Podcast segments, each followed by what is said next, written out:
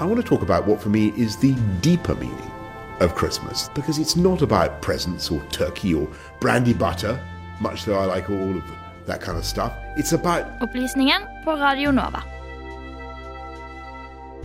Oh, deilig, deilig julemusikk denne 3. desember. Det gjør seg godt. Og Boris Johnson er jo egentlig litt der vi skal holde oss. Eh, fordi at eh, jeg fikk en melding av min kompis Boris i går som ønsket å stille dere et, eh, et lite spørsmål. Tony, yesterday I went, uh, as, as we all must, uh, uh, uh, to, to Peppa Pig World. I don't know if you've been to Peppa Pig World. Who's been to, hands up anyone who's been to Peppa Pig World? Skal vi se. Nei, det var ingen, ingen hender som løftet seg i dette studio, annet enn min egen, da, selvfølgelig. Not enough. Ehm, fordi eh, det, var, det var forrige uke, eller uka før, at det gikk litt gærent for Boris Johnson han skulle holde en tale for den britiske ekvivalenten av NHO, og halvveis ut i talen innser at han ikke helt vet Ikke helt vet hvor han skal. Hva hadde du gjort i en sånn situasjon, Benjamin? Jeg vet ikke. eh, Det virker som om Boris Johnson er ganske god til å liksom finne på ting. Og ta litt store eh, kvantesprang, kanskje, i, midt i en setning, kanskje. Midt i en, eh, et innlegg. Et, et, ja, nei, han eh, er god Jeg ville jeg vil nok gått for den samme strategien, tror jeg. Jeg vet ikke om jeg finner noen annen løsning på problemet. Det hadde blitt Peppa Grisland på deg. Jeg Ja. hadde også begynt å stille spørsmål om Peppa Grisland, og eh, egentlig eh, Det hadde vært den, den beste kursen, tror jeg. Lise.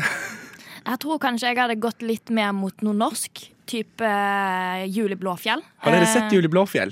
Ja, har dere sett Juli Blåfjell? Har dere besøkt uh, Hvor er det det blir filmet igjen? Oppi- Røros oppi der, Røros ja, oppi der. mm. Har dere vært der?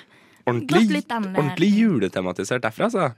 Eh, men Boris Johnson greier da overraskende nok å tviste dette inn på Tviste dette inn på å handle om hvordan Peppa Gris har bidratt til den uh, britiske økonomien, og avslutter med sitatet Now, I think that is pure genius, don't you?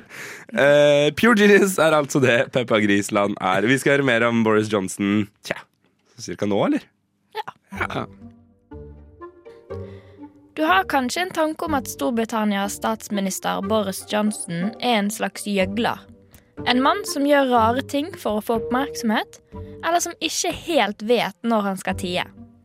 Eksempelet fra nyhetene er Johnsons famlende tale til sjefene for britisk industri, hvor han rotet i notatene sine og begynte å snakke om Peppa Gris. Tony, yesterday I went, uh, as, as we all must, uh, to, to Peppa Pig World. I don't know if you've been to Peppa Pig World. Who's been to, Pan's? up anyone who's been to Peppa Pig World. I loved it, and Peppa Pig World is, is very much my kind of place. En annen tale Johnson holdt, var i juli, da han talte for en forsamling i Coventry. Selv om denne talen ei heller er uten ablegøyer, utgreier den rundt Johnsons mest sentrale politiske sak siden 2019-valget, nemlig leveling up-politikken. Sunderland i Nordøst-England blir trukket frem som et eksempel på hvordan denne level up-politikken kan gjennomføres. Dette er en by som Johnson står nær, da dette var en av de første byene til å stemme for Leave-siden i 2016, og har blitt i etterkant kjent som Brexit City. Målet for Johnsons leveling up-politikk er nemlig det å utjevne forskjeller mellom Storbritannias mer velstående regioner, nevneverdig London-regionen, og mindre utviklede områder i utkanten av øynasjonen. Måten å gjøre dette på, det er ved å investere i de fattige områdene med statlige midler, heller enn ved å omfordele midlene fra de rike til de mer fattige direkte. Dette er et forsøk på å heve alle opp på samme nivå. Disse områdene er tradisjonelt Labour-områder, som Johnson trolig ønsker å fri til i etterkant av brexit, hvor flere av de graviterte mot han og hans parti.